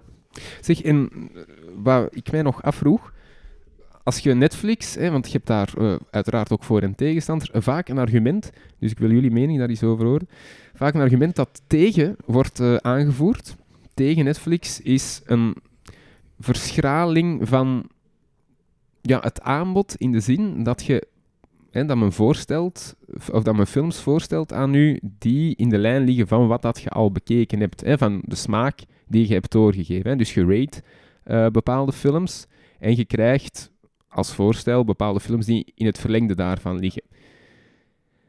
Wat maakt dat je eigenlijk niet meer geconfronteerd wordt of niet meer de mogelijkheid hebt om andere films te ontdekken? Ja, ik denk dat je dat van op twee manieren kunt bekijken. Ja, het- is waar, je, je zit in uw bubbel. En uw bubbel, er wordt content voorgesteld die dat je waarschijnlijk interessant gaat vinden. En dat heeft de voor- en nadelen van de bubbel. Hè. Ehm, het, het, het voordeel is dat je minder snel moet zoeken naar iets wat je waarschijnlijk veel interessanter gaat vinden. Mhm. Maar langs de andere kant is het nadeel voor de mensen die dat graag een bredere kijk hebben. Je ziet dat zelf ook met YouTube bijvoorbeeld. Dat is afschuwelijk als je drie YouTube-filmpjes ziet. Ja, vanaf dan wordt er enkel die content aan u voorgesteld. Je vindt Ja. bijna, als je, als je terug naar je homepage gaat, vind je, vind je bijna nooit nog ehm, interessante filmpjes, tenzij dat je echt je, je, ehm, u op eh, een, een anoniem profiel zet Ja, of zoiets, ja, dan ja, dat, dat je u niet eh, van eerder kent. Ehm, maar dus een verschraling. Ik, ik merk wel bij, bij Netflix dat ze heel veel. Want dat is misschien iets. iets want dit ging over de verschraling van het, van het aanbod. Ja, of, ook eh, ja, ehm, dat men maakt. Dat men, ja, wat ik is het Verheineken heb gelezen, het Verheineken van, van, van het aanbod. Dat men eigenlijk series en films gaat maken die zoveel, een zo groot mogelijk publiek Ja. moeten bereiken. Ik merk dat voornamelijk dat aan, die- tweedehand, eh, sorry, eh, aan, aan Wereldoorlog 2 documentaires. Dat is afschuwelijk. Hoeveel Ja. Wereldoorlog 2 documentaires dat Mhm. er zijn. Spreekt iedereen Ja. aan, wordt vaak aangeklikt en dan blijft men daarmee doordoen. Reality shows. Ja, voilà, wel, ja. Ongelooflijk veel. Ehm, maar vergeet ook niet dat het afschuwelijk veel geld kost om al die licenties bij elkaar te halen. Hè. Dus er is een, eh, er is een financiële analyse gedaan van de situatie van Netflix. En er is een negative cashflow op dit moment. Dus ze geven meer geld uit dan dat er binnenkomt. En ze geven geld uit aan de licenties en aan het maken van eigen content. Mhm. Ehm, terwijl als ze dan ja, de, de, de- het resterend gedeelte van, van de cashflow moeten opvullen met externe financiers. Maar dat, dat systeem dat blijft lukken op dit moment. Hè. Mhm. Want de eigen producties die ze maken is natuurlijk een investering. Hè. Die licenties is eerder Mm. een kost, maar hun eigen productie is een, is een investering. En dan denk je van oké, goed, dat is, een, dat is een markt die gebaseerd is op zoveel mogelijk kijkers erbij halen. Want Voilà. als er één kijker bij komt, is de kost voor Netflix uiteraard nul. En de opbrengst is dan 7,99 euro per maand meer. Ehm, Hm. Maar natuurlijk... ehm, ja, dat moedigt toch niet Mhm. aan om avontuurlijk te zijn. Om eens iets te gaan sponsoren of eh, geld in iets te maar steken. daarvoor dat- staan ze wel bekend. Hè? Net, de maar Netflix ja, maar dus- Original Series. Ehm, ah, wil je iets, iets meer exotisch, hè, Ja, bedoel je? ja. Ah, maar ja, maar dus dat is inderdaad, daarom dat ik het eh, er juist opwierp, het is vaak een kritiek van Ah, eh, zo, verschraling van het aanbod, maar anderzijds zie je wel dat men investeert in van die ja, specialere series ook. ja. En dan waarschijnlijk doordat je het wereldwijd kunt uitbrengen. Dat men de markt vergroot en dat, men, dat het juist misschien profijtelijk wordt. Ja, het is dat.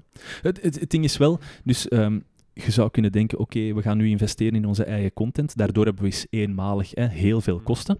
Maar natuurlijk, je kunt met een scrip- subscription service zoals Netflix, kun je daar niet ineens mee stoppen. De klanten gaan blijven verwachten dat er eh, interessante nieuwe series blijven komen. Dus, dus hoe gaat dat zich tegenover elkaar verhouden? De klanten gaan ook niet blijven toenemen, omdat er nu een concurrentie gaat komen. En in tegenstelling tot een normale competitieve markt, begint je klanten voor u te krijgen aan de hand van ehm, klanttevredenheid en dienstverlening. Als er twee videotheken zijn, die gaan niet aanbod inperken. Nee, die gaan juist hun aanbod proberen uit te breiden. Maar wat dat je nu ziet, is dat er concurrentie wordt gevoerd op de markt aan de hand van monopolierechten. Ik heb het monopolie om Lucasfilms, dus om Star Wars films uit te brengen. En dat je daardoor net uw aanbod heel niche maakt voor bepaalde mensen, waardoor dat klanttevredenheid eigenlijk eh, op klanttevredenheid wordt er meer ingezet. Waar wordt er op ingezet? Er wordt ingezet op uw aanbod en de monopolie van het aanbod zelf. Hm. Dus dat is inderdaad Mhm. een evolutie die dat zich voordoet, Ja. waar dat we nog niet het einde van gezien hebben. Maar ik kijk er wel naar uit om dat op te volgen. Ja, absoluut. Ja. En, en ehm, hoe, dus Michel, een videotheek tegenover een Netflix, waarin, waarin blinken jullie uit tegenover een, een Netflix, vind je zelf? Ah, dus over het aanbod hebben we het eigenlijk al gehad. Ehm, bij ons, iedere keer als er een nieuwe film uitkomt, is dat nog een extra film in het aanbod. Dus vandaar ook, in plaats van een verschraling of een eh, fragmentering, is eigenlijk altijd een uitbreiding. Tenzij natuurlijk we sporadisch een film uit het aanbod halen. Ehm, en langs de andere kant ook ja, natuurlijk de gezelligheid, de klantgerichtheid, de Ja. persoonlijke aanpak. Dus de babbel, ehm, welke film eh, wil je zien, eh, waarom en welk genre vind je leuk en welk genre vind je minder leuk. En dan, eh, aangezien mama bijvoorbeeld een grote fan is van Spaanse films, brengt ze regelmatig eens een. Spaanse film aan de man. En dan een film die eigenlijk een klant normaal niet zou huren of niet zou bekijken op Netflix, die wordt dan juist wel aangeraden. En dan zo kunnen er wel leuke Dus wisselwerkingen tot stand trekt de komen. mensen uit hun bubbel. Ja. Ah, ja. Ja. Ja, Dus als ze zelf een dus film-. Ja, als ze zelf een film heel goed vond, had ze die ook aanraden aan andere mensen. En zo eh, wordt die film ook verhuurd. Dus bijvoorbeeld ook als er een film weinig verhuurd wordt, dan gaan we zeggen van kijk, dat is effectief een goede film en die heeft effectief prijzen binnengehaald op, eh, op, in Cannes of in Venetië of in Berlijn. En zo eh, kunnen we eigenlijk die films ook meer promoten. Ja. En ziet je daar een revival? Want dat viel mij op in uw rijmpje, dat, eh dat er, juist is, er juist is voorgelezen. En dat je daar spreekt over het verrijzen van de, de Phoenix. Ja. Denk je echt dat er daar terug zoiets, hè, wat we bij platenwinkels, platenzaken zien, dat dat Ja. iets van, ja, inderdaad, hipsters, eh, Mhm. niche wordt? Ja. Zie je dat ook voor nostalgie videotheken weggelegd? werkt. Ja, nostalgie werkt echt wel. Ehm, soms hebben wij nog klanten over de vloer ehm, die twintig jaar niet langsgekomen zijn en die nu plots terug elke maand langskomen. Dus dat is wel een compliment ook voor ons om te zeggen van ja, mensen die vroeger niet meer kwamen omwille van eh, de telenet, omwille van de Ja. tv of Netflix, die eigenlijk de weg langzaamaan ook wel terugvinden. Natuurlijk, dat gaat maar over een klein aantal mensen, maar voor ons is één iemand die terugkomt, is een gigantisch Mm. compliment. Ehm, dat is heel fijn voor Ja, ons. maar ik begrijp het ook wel. Die parallel hè, die we daar straks ook maakten met platenwinkels, maar ook met boekenwinkels. Ja, waarom gaat er dan een boekenwinkel? Uiteindelijk, ja, op je e-reader, je kunt dat perfect allemaal op het internet terugvinden. Mhm. Platen hetzelfde, maar toch, ja, je wilt eens kunnen snuisteren. Je wilt daardoor Je wilt dat in kunnen je handen wandelen. kunnen hebben. En met vi- videotheken is dat nu op dit moment eigenlijk nog niet het geval. Hè? Nee. Ik denk, oké, er zullen wel mensen terugkomen, het zal nog heel beperkt Ja, zijn. heel beperkt weliswaar, ja. Ja. Maar dus ik vraag mij echt af, gaat dat ooit terug, terugkomen? Ja, een, een sideline die dat ik daar wil... Hoe houd je het competitief? Hoe houd je je... Niet competitief, maar hoe houd je het rendabel eigenlijk? Ja, dat hebben we nog niet gevraagd. Is, Ja. het, is het Mhm. rendabel nog op dit moment? Het is nog rendabel, maar uiteraard eh, ja, tien keer, wonderen verwachten. zoveel keer minder dan, eh, dan vroeger. Nee, inderdaad, ze mogen geen wonderen verwachten, Mhm. maar op zich, mijn ouders kunnen er nog van leven. Eh, ze, allee, ze kunnen nog kaas op hun boterham eten, Ja. dus op zich, eh, dat wat- valt allemaal wel mee, maar het is natuurlijk gedaan? minder. Ja. Want ze hebben dan productdiversificatie gedaan, denk ik. ja. Ja. Dus inderdaad, naast eh, de films bieden we ook natuurlijk eh, de site eh, Mhm. dingen aan. Ja. Ja, Ja. wat is dat dan? Is dat... want ik heb in die, die videotheek eh, van Aanst, die deed, sport, eh, die deed de sportwetenschappen. Ja, dat, dat werd ons ook gevraagd om effectief ook bijvoorbeeld eh sportweddenschappen eh, te laten Oh, maar plaatsvinden. om dat te wil kunnen... toch niet? Nee, dat, dat wouden we nee, ook voilà, dat effectief vind niet. ik ook niet meer. Eh, dus dat hebben we geweigerd. Ook de vraag om bijvoorbeeld een postpunt te openen, dat hebben we ook niet gedaan, omdat we echt wel nog altijd willen focussen op... ehm, Dan moet je film. opslagruimte inleveren. ja. En vroeger bijvoorbeeld ehm, verkochten we ook eh, vuurwerk. Dus Zalig. Ja. Random. ja, effectief. Dus dat hebben we zeker twintig jaar gedaan. Daar Ja. zijn we nu mee gestopt. Eh, we hebben enkel nog klein vuurwerk. ehm, dus zo rookbommetjes en zo van die kleine, eh, kleine dingen. En dat allemaal bo- verkopen. Dat ja. mogen we verkopen, Gaspatronen ja, voor de kinders. Hè. Eh, Ja. dus in onze tuin hebben we effectief eh, een soort van ja, bunker staan, waar effectief wat Oh, vuurwerk kon opgeslaan ik wou worden. het nog maar, vragen, ja. want Ja. daar zijn na dat ongeval in... eh wat, wat, Ja, waar was Enschede? dat? Nee. Ja. Ja, Ja, ja. Nederland. Ja. Ja. Waren er daar toch enorme veiligheidsvoorschriften voor? ja, Ja, maar dat was maar natuurlijk ook de een fabriek. fietsenmaker bij ons in dorp, die deed dat ook en heeft hij daar ook zo'n een bunker moeten zetten ja. in zijn, in zijn lokaal. Dus effectief, maar daar zijn we mee gestopt, omdat dat ook enkel met de eindejaarsperiode was. En dan Ja. was dat ook wel heel veel werk voor mijn ouders om dat allemaal te kunnen bolwerken met twee. Ehm, want vuurwerk, ja, er zijn niet veel winkels in de buurt waar dat je eigenlijk echt vuurwerk kunt, kunt kopen. Ehm, maar dus enkel klein vuurwerk nu. Ja. Ik heb dan nog een andere vraag. Je had gisteren een foto doorgestuurd ehm, van je moeder dat opzoekingen aan het doen was eh, voor straks de trivia-vragen. En ik Hm. zag, ik zag een Jupiler staan. En ik Ja. vraag me af, wat, wat doet die en daar? Die Om 11 Jupiler? uur. Om 11 uur morgens. Ja. De Jupiler. Ja, dat was ook wel een leuk verhaal. Dus ehm tien of vijftien jaar geleden eigenlijk zijn er een paar mensen eh, films komen huren en af en toe een babbeltje slaan met mijn ouders, Mhm. dan iets pijn in om te drinken. En dat is eigenlijk langzaamaan uitgebreid. Dus eh, van die ene persoon die af en toe eens ehm, iets kan drinken eh, na het huren van een film of voor het terugbrengen van een film, eh, effectief zijn er dus meerdere mensen... ja, langsgekomen en dan eh, over films beginnen praten, ook over andere dingen. En eigenlijk is dat ook een echte vriendengroep geworden van mensen die eigenlijk films komen huren en dan ook effectief iets komen drinken bij ons, ja. Ook eigenlijk wel. Je als bent je- een café geworden gewoon. Eh, ik vind, zolang je geen tapkraan hebt, is geen café. dus eh, dat is de bottom line. Dus ze kunnen effectief wel iets komen drinken, maar eh, geen tapkraan, nee, nee. Maar ook iets wat je eigenlijk in de boekenwinkels ziet, hè? dat er vaak toch een soort van koffiehoek of zo wordt Ja, geïnstalleerd. ja, ja, dat het ja. een met het ander samengaat. Ja. Dat men ja, ergens een gemeenschappelijke setting wilt creëren, waardoor dat je dan ook kunt praten over Juist, films, et cetera. Allee, ik neem aan dat het niet enkel over films zal gaan, de Niet enkel gesprekken die over daar films, plaats... Zo van Eh, die spelletjeswinkels ook. ehm, die dat dan Ja, spelletjes ja, ja. verkopen En die- game nights hebben Ja, voilà, die tegelijkertijd. game nights. Ja. Ja. Dus dat inderdaad weer op die beleving wel wordt, eh, Wordt een stuk Ja, ingezet. we zijn natuurlijk ook laat open, eh, tot 9 uur in het weekend. Dus dat bevordert natuurlijk ook eh, het feit dat er mensen komen om iets te drinken. Of allee, dat er Ja. wat ruimte is, dat we niet om 6 uur stipt sluiten. Maar eh. komen die dan nog wel te voor een film ook? Die komen vaak nog altijd voor een film. Ah, Niet allemaal, maar de meeste toch nog wel. Ja. Oké. Hm. Dat zijn En- ook onze beste klanten, dus die komen elke week of om de paar Hmm. dagen zelfs langs. En dat heb je ook echt wel nodig om break-even te draaien? Of Ehm, stel, en stel nu naar al ja. die, eh, eh, die, die, die zijdelingse activiteiten dat je die zou schrappen, zouden dan nog... dan zou het rendabel? wellicht niet 100% rendabel Ja. meer zijn. Nee, nee, het, Ja. het was zeker niet zoals vroeger. Nee.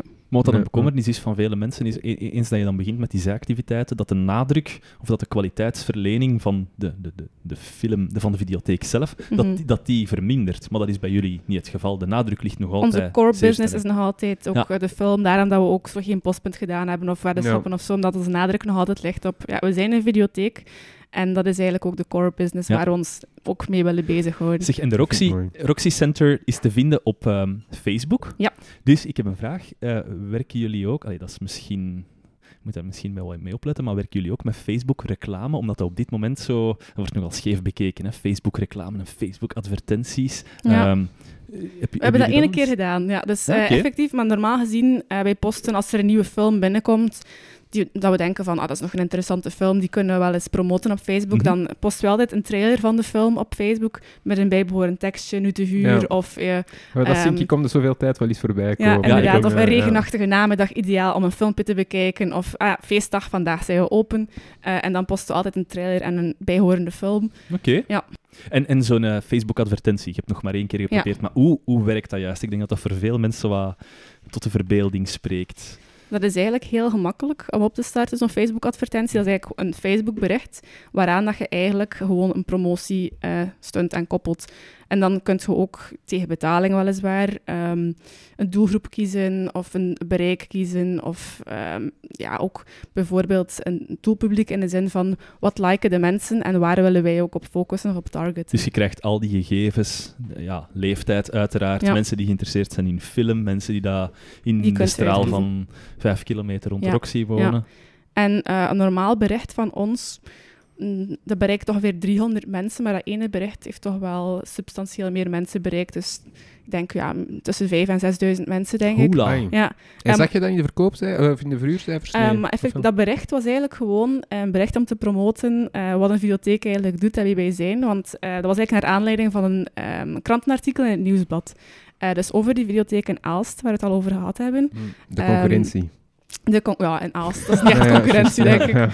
Ehm, effectief, dus die hebben... ehm, eh, die zijn in een interview in Nieuwsblad gekomen met het feit van, kijk, het is een van de laatste overblijvende bibliotheken in Vlaanderen. En waarom doen zij letterlijk, stond, stond er zo in, nog gouden zaken? Dus waarom een videotheek eigenlijk wel nog rendabel of wel nog interessant kan zijn Mhm. eh, in de 21ste eeuw. En eh nou, dat artikel is natuurlijk ook van toepassing op ons, van waarom is een videotheek eigenlijk wel nog van toegevoegde waarde? Ja. En dat vonden wij zo leuk. En dan hebben we dat bericht gedeeld, eh, dus dat artikel gedeeld, met dan een bijhorend tekstje van kijk, bij ons eh 3 euro voor een film. Bij Telenet kunt je zeker niet voor 3 euro een film huren. ja, 2 absoluut. plus 1 Ja. gratis, 30 jaar ervaring, eh, een leuke sfeer, een leuke setting. Dus dat vonden wij zodanig tof dat we toch zeiden van kijk, hier willen wij al mensen bereiken. Ja. Je, je gaat, je gaat een krantenartikel mee. Ik zie dat Ja. hier liggen. Ja. Voor, voor wat is dat juist? Ik heb er twee mee van mijn onkel. Dus mijn onkel had ook een eh, videotheek eh, in Gent op het Sint-Pietersplein. Ik denk ondertussen al ehm, een jaar of twee, drie gesloten. Ehm, dat was de grootste videotheek van de Benelux wellicht. Gigantisch, Wow. een gigantisch aanbod. Ehm, dat, was, dat pand was ook gigantisch groot met verschillende verdiepingen. wow. Ja, dus in Roeselaar is hij wat kleinschaliger, maar dat was iets groter. Eh, dat was ook voor verkoop, eh, dvd's en ook eh, wat platen kon je daar ook kopen. Iets kleinschaliger. Ja. 40 40.000 titels, unieke titels. Ja. Ehm, dus hier is bijvoorbeeld 50.000 titels en 70.000 titels in de verkoop. Dus dat was wel op de hoogdagen, Ja. was dat wel tof. Dus dan zijn ze bij mijn onkel ook een paar keer langs geweest om... ehm, ja, kranten zijn er al geïnteresseerd in. Van, ah, videotheken, dat is wel een interessant concept. Leg ons dat eens Mhm. uit. En waarom sluiten jullie ook? Want ehm, ik moet zeggen, de Roxy Center in Gent, dat was echt wel een begrip. Dat was iedereen in de buurt die wist wel, ah, dat is de videotheek. Dus als Hmm. je ergens een film moet komen huren, moet je daar terecht. Eh, En- vandaar ook dat dat veel mensen beroert als dan uiteindelijk een videotheek sluit. Ja. Eh, onlangs nog bijvoorbeeld, ook in Gent, was er een, um, een cinefiele bioscoop die de deuren zou sluiten, omdat Mhm. ze ook te weinig inkomsten Ja. hadden. En dan massaal berichten op Facebook van mensen die dat kan toch niet, en ik ging daar zo graag, en Oké. waarom sluiten jullie? En dan zelf met crowdfunding acties bij wijze van spreken, dat mensen echt, dat, dat raakt mensen soms. Hm. Ja. Oké. Ehm, ik, heb, ik heb nog wat trivia-vragen voor u, Ja. Michel. Ja. Natuurlijk, als we het over een videotheek hebben, kunnen we het niet anders hebben. Eh, moeten we het zeker en vast ook hebben over, Over? de kraaltjesafdeling. Ehm, is er bij jullie een kraaltjesafdeling? De plus 18 Ja. dus. Ik vroeg aan mama, eh eten, beantwoord de vragen, en mama vroeg, kraaltjesafdeling, kraaltjesafdeling, nooit van gehoord. Maar ik heb dat zo zelf genoemd. Hing Ik er, weet niet, er bij jullie kraaltjes? Er kraaltjes. Ah, nee, Ja. bij ons was het wel enigszins afgesloten, maar in die kraaltjes Zo van die er vliegengangers of, of zo. Ja, ja, wel, ja, nee, Ja. volgens mij was er, hing Ja. er niks voor. Wa- Hoe, hoe, hoe, hoe scheiden jullie het af van, eh, van Een de grote rode trap. Een gro- Oh. een Ja, rode een grote rode Oh. trap. Ah, dus het is boven of beneden? Ja, het is boven. Dus ze hebben twee verdiepingen en effectief op de bovenverdieping, eh, dus afgesloten van de rest, Ja. is eigenlijk de plus 18 afdeling. Ja. Hoe groot is die in verhouding met de rest? Ehm, ja, niet exact, maar het zal wel ongeveer 100 vierkante meter zijn. Is ongeveer een vijfde van de normale afdeling. Ah, ja. Een vijfde? Ja. Dat is toch veel? Ja, maar het is wat ruimer ook, dus de film staat wat verder van elkaar. Ehm, dat, ook, dat je ja, wat privacy hebt dat als je je wat er eentje privacy kiest. hebt. Ja. De PG zei in de WhatsApp voor te lachen. Aha, ik, wil, ik ben wel een keer benieuwd naar de verhuurcijfers van eh, FC de Kapoenen. En blijkbaar bestaat die ook echt. ja, maar natuurlijk mist hij dat niet. Nee? Maar dat is toch de, de, Ah. de bekendste eh, Belgische Le- eh, lees, pornofilm. lees dan eens een keer voor wat dat er van achterop staat. Ja, ja, ja. Dus, de kapoenen trainen voor de match tegen de spuiters. Maar aan seks ontbreekt het niet. D DT, Caramel, Klitoortje, Mieke, Chico en de gehele kapoenenploeg neuken erop los. En ook bij de vrouwtjes van de spuiters worden de gaatjes gevuld. Een supergeile Vlaamse pornoklassieker. Humor en seks van de bovenste plank. Nee, dat je dat niet kende, jong. Fantastisch. Er, zit- er zit wel geen DVD in. Dat, dat vind ik Nee. een memepunt. Ah, ik had hem hier ook niet kunnen afspelen, spelen sowieso niet. Dat is ter bescherming van jullie twee, denk ik. Ja. Ja. Heb jij, heb jij een top 3 van meest verhuurde ehm, eh, plus 18 films mee? Eh, ik heb geen top 3, maar ik heb Oh. wel enkele films uitgekozen eh, die wel Och. wat interessant zijn om te bespreken. Dus Ja. voor eerst, we hadden het net al over Game of Thrones. Ja. Ehm, Hm. blijkbaar bestaat er ook Game of Bones. Oh, Eh, ja. ja. Oké. Dus ja. eh, die is 15 keer verhuurd geweest ondertussen. Ah, wel, dus- dat, vro- dat vraag ik mij af. Inderdaad, dat wordt nog altijd ook verhuurd. ja, ja, Maar ja. dat is zo inderdaad mensen met kinderen, dat et cetera, en kinderfilms. Eh, maar ja, op zich, daar is ook een markt voor, laat ons zeggen. Ja. Dus eh, vooral mensen zonder internet, dus eh, 50, 60-plussers, die komen regelmatig wel eens langs. en want- is dat met schroom? Of, Ah, wel, maar ik was de, ik, jij, jij liet daarnet die film zien en ik, ik dacht FC de kampioenen. Ik dacht dat ik dat zag. Dus je ziet niet aan, aan het hoesje zelf Nee. dat het een plus 18 film is. Maar wacht, jullie geven geen gekleurde hoesjes mee. Jullie geven gewoon zwarte hoesjes mee. Eh, ja, zwarte hoesjes inderdaad. Dan kun je zeker niet zien welke film dat je mee Ah, ja, hebt. ja, eh. ja. Ja, oké, maar je moet wel naar een toog gaan. Ja. Hè? Je moet wel naar een toog gaan en je moet vragen voor FC de kampioenen. Nee, nee, want in principe neemt gewoon een kaartje mee. Ah ja, Dus als je het Ja, kaartje mee hebt, dan kan je daarmee naar de kassa komen en dan eh, gaan Ja, maar dus degene die aan de kassa staat, weet wel van... Ja, God, ja. jij gaat vanavond... Ga je vanavond plezier hoor. Ja. Allee. Maar dus ook, eh, er zijn films zoals eh, Captain America XXX of Thor XXX. En die films, effectief, ook als je daar kijkt naar, naar ehm, het kaftje, Ja. van ver kun je dus niet, niet zien dat dat een speciale film is. Of een speciale editie van de film. Zeg, Dat je en, ouders Ja. dat par hasard zo een keer in de kinderafdeling zetten. van, Oh, shit, ah ja, nee. zeg, en wie kiest die? Want ook die koop je in. Ja, mijn mama doet eigenlijk de selectie van de films. Dus die kijkt dan eigenlijk eh, wat daar in ons aanbod komt. Dus ook van die films, ja. Maar dus ook van alle andere, ja. Ja, en die krijgt een catalogus van wat dat op dit moment goed doet met plus ja, want hoe 18. selecteert ze dat dan? Eh, ja, op basis van eh diversifieerd aanbod, denk ik. Eh, Zeg, die. Avengers ehm, XXX, hoeveel keer is dat verhuurd geweest? ehm, Captain, Captain America, America. ja, acht keer. Acht Ja. keer, oké. Dus FC Kampioenen, of de, kamp de Kapoenen, elf keer. Ook Ronde van Vlaanderen, dat is blijkbaar ook een film. Rit 1. eh, Ronde van Vlaanderen? ja, dat is ook Hm. een film in die, in die sector, ja, of in die branche. Oeh, maar ik snap de woordspeling niet. Oké, dan is er geen woordspeling. ja, oké. Dus eh, een woordspeling met de, met de koers. Dus de Ronde van Vlaanderen, maar dan letterlijk. Een keer in die, die gemeente, een keer in die gemeente, een keer in die gemeente. Vandaar de Ronde van Vlaanderen, ja. Ah, dus koers komt er niet bij de Oké. pas. Eh, dat weet ik niet, ik heb Ah, hem nog niet oké. bekeken. nee. Oké, goed. Zeg, maar ik, vind wel, ik dacht wel dat die meer verhuurd gingen worden. Allee, ik weet, ik weet nu niet van verhuurcijfers van gewone films, maar het Ja, maar je dat zou FC de denken, Kapoenen 10... daar is juist veel concurrentie Ja. ook van, toch? Dus ja, ik zou, Ja. ik zou eigenlijk verwachten dat dat er volledig zou uitgaan. Allee, behalve inderdaad misschien iets oudere, iets oudere mensen. Ja. Kunnen we van plus 18 ook naar de kinderfilms gaan? Dat is een vreemde is- overgang, maar ik weet het is dat dat- mogelijk. Ik weet dat een tree redelijk Plus groot 18, is, maar 18, ja. we, we zullen het eens Ja. proberen. Kun- ehm, wa- wat, ze- wat is eigenlijk de best verhuurde kinderfilm? Ik weet De niet dat- klassiekers, de Disney-klassiekers, die worden Mhm. nog altijd best verhuurd. Eh, ja, de oudste film, de oudste Disney-film is eigenlijk Sneeuwwitje, dus dat is ook Ja. de meest verhuurde kinderfilm. echt? Ja. Ah, ik zou denken The Lion King of, of Ja. Bellen en het Beest of zoiets. ja, maar dat zal allemaal ongeveer wel tegen elkaar aanliggen. Hè? Dat zal inderdaad wel tegen elkaar aanleggen, ja. Want ja, je ziet nooit één Disney-film. Ja. Nee. Eens dat je begint, dan zie je ze allemaal. Heb jij Ja. ook een populairste film? Eh, nee, dus in principe, ehm, aangezien dat we veel films hebben eh, moeten opnieuw aankopen omwille Ja. van defect, zijn er daar niet echt betrouwbare cijfers over. Dus eh, dat is wel een moeilijke om echt de populairste film uit, uit de catalogus te nemen, want ja, er zijn ook wel verschillen in van aankoopdatum bijvoorbeeld. Een nieuwe film is sowieso minder verhuurd dan een film die in de jaren 90 is uitgekomen. Ik heb hier ook een aantal films. Ik, ik wou gewoon eens even eh, The Battle of the Great doen. Ehm eens, eens kijken wat dat de, de, de verhuurcijfers zijn. Ik weet niet of dat je die hebt kunnen vinden. Hè? Ik had Ja. hier zo'n aantal films opge, opgesomd. En ik ben eens benieuwd, we gaan met de luisteraars eens een keer rondgaan, wie dat de strijd heeft gewonnen. De eerste film op de lijst is Home Alone 1. Ja, dus eh, we hebben hem in 2014 opnieuw moeten aankopen. Dus daarom staat de teller slechts op 17. Ja, dus, eh, 17? ja. Het wordt altijd gereset, zeg je, op 50 eigenlijk. eh, het hangt ervan af. Allee, ja, maar de gemiddeld, 50. gemiddeld. Ja, ja, ja, ja.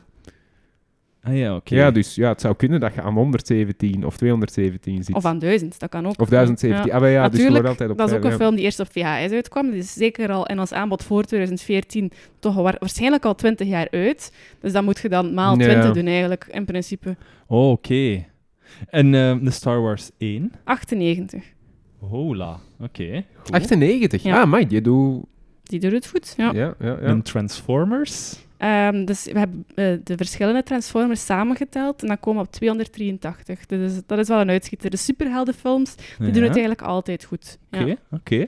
The Lord of the Rings? Eh, ook opnieuw moeten aankopen in 2015, 46 keer. Hmm, Ja. Oké. Eh, en nu? Dus je hebt, je, hebt de, je hebt de grote gehad. FC de kampioenen. Ehm, alle drie samen 145 keer. Ja. En nu de buurtpolitie. Eh, dat is eigenlijk een van de mindere. Is dat Ehm, echt? Ja, Want daar Ja. loopt de cinema toch altijd vol van? daar van loopt de films? cinema vol van. eh, tot mijn grote verbazing ook, wederom. Eh, dus 24 keer. Oh. Dat is eigenlijk maar goed ook, want ja, dat is geen goede film, Nee, dat ons is geen- eerlijk zijn. dat zijn Eh, geen goede films, ja. The Revenant. 77. Oh, ja, Ja. oké. oké.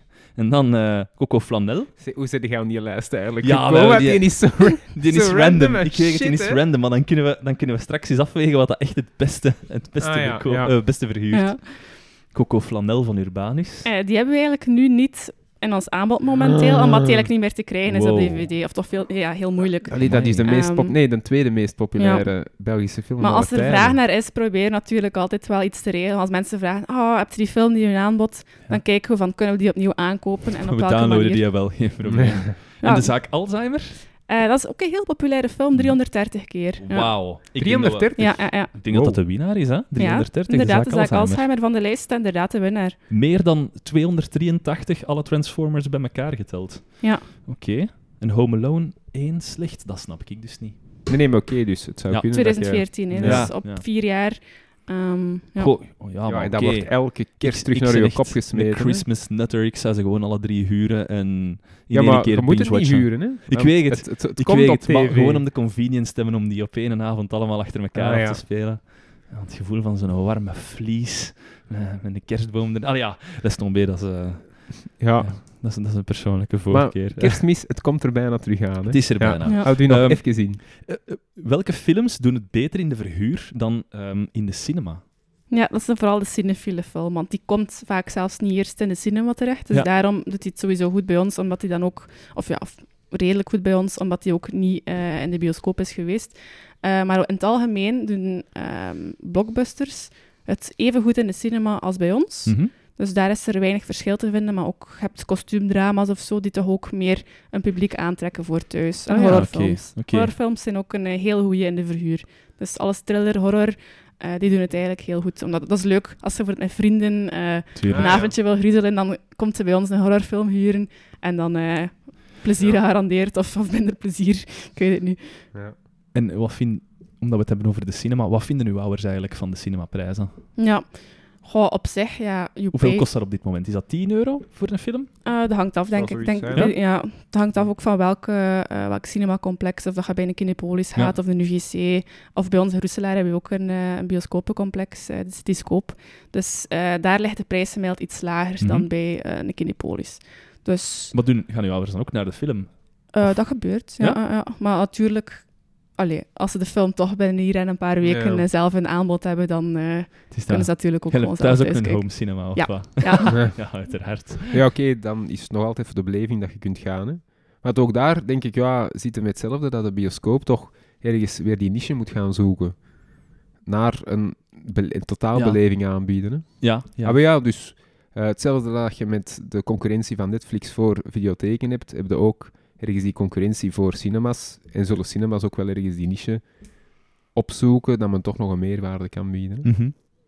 En ehm, als er een nieuwe film uit een franchise komt, ehm, zo uit een, uit een serie, hè, de zoveelste, eh, is er dan een stormloop op de eerdere films Ja. van die franchise? Ja, dus dat is ook een leuk gegeven als er nieuwe X-Men uitkomt in de reeks. Mm. Dan worden de anderen altijd mee verhuurd. Eh, nu bijvoorbeeld bij Disney, al die remakes, die live-action films. Eh, Zorg The Lion King komt uit, Ja. inderdaad, de revival van de oude Lion King. Hetzelfde met Aladdin of Belle and Beast. Dus die worden dan ook weer terug. Ah ja, de, originele worden dan terug meer verhuurd. Wat dan wel fijn is voor ons natuurlijk. Eh, Om dan te kunnen zeggen, de oude was toch een pak beter. Hè. Ah, wel.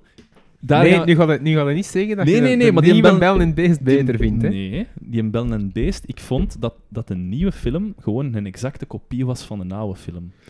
Er, er zat, wat, wat ik leuk vond aan Maleficent bijvoorbeeld, dat is, ze hebben daar een totaal andere, een, aan- een totaal andere insteek aan gegeven. Waar ik dacht, ah, Ah, wel, ja, oké. dat is een keer tof. Maar dat is gewoon exact dezelfde film geweest, met exact dezelfde scène, opvolging enzovoort.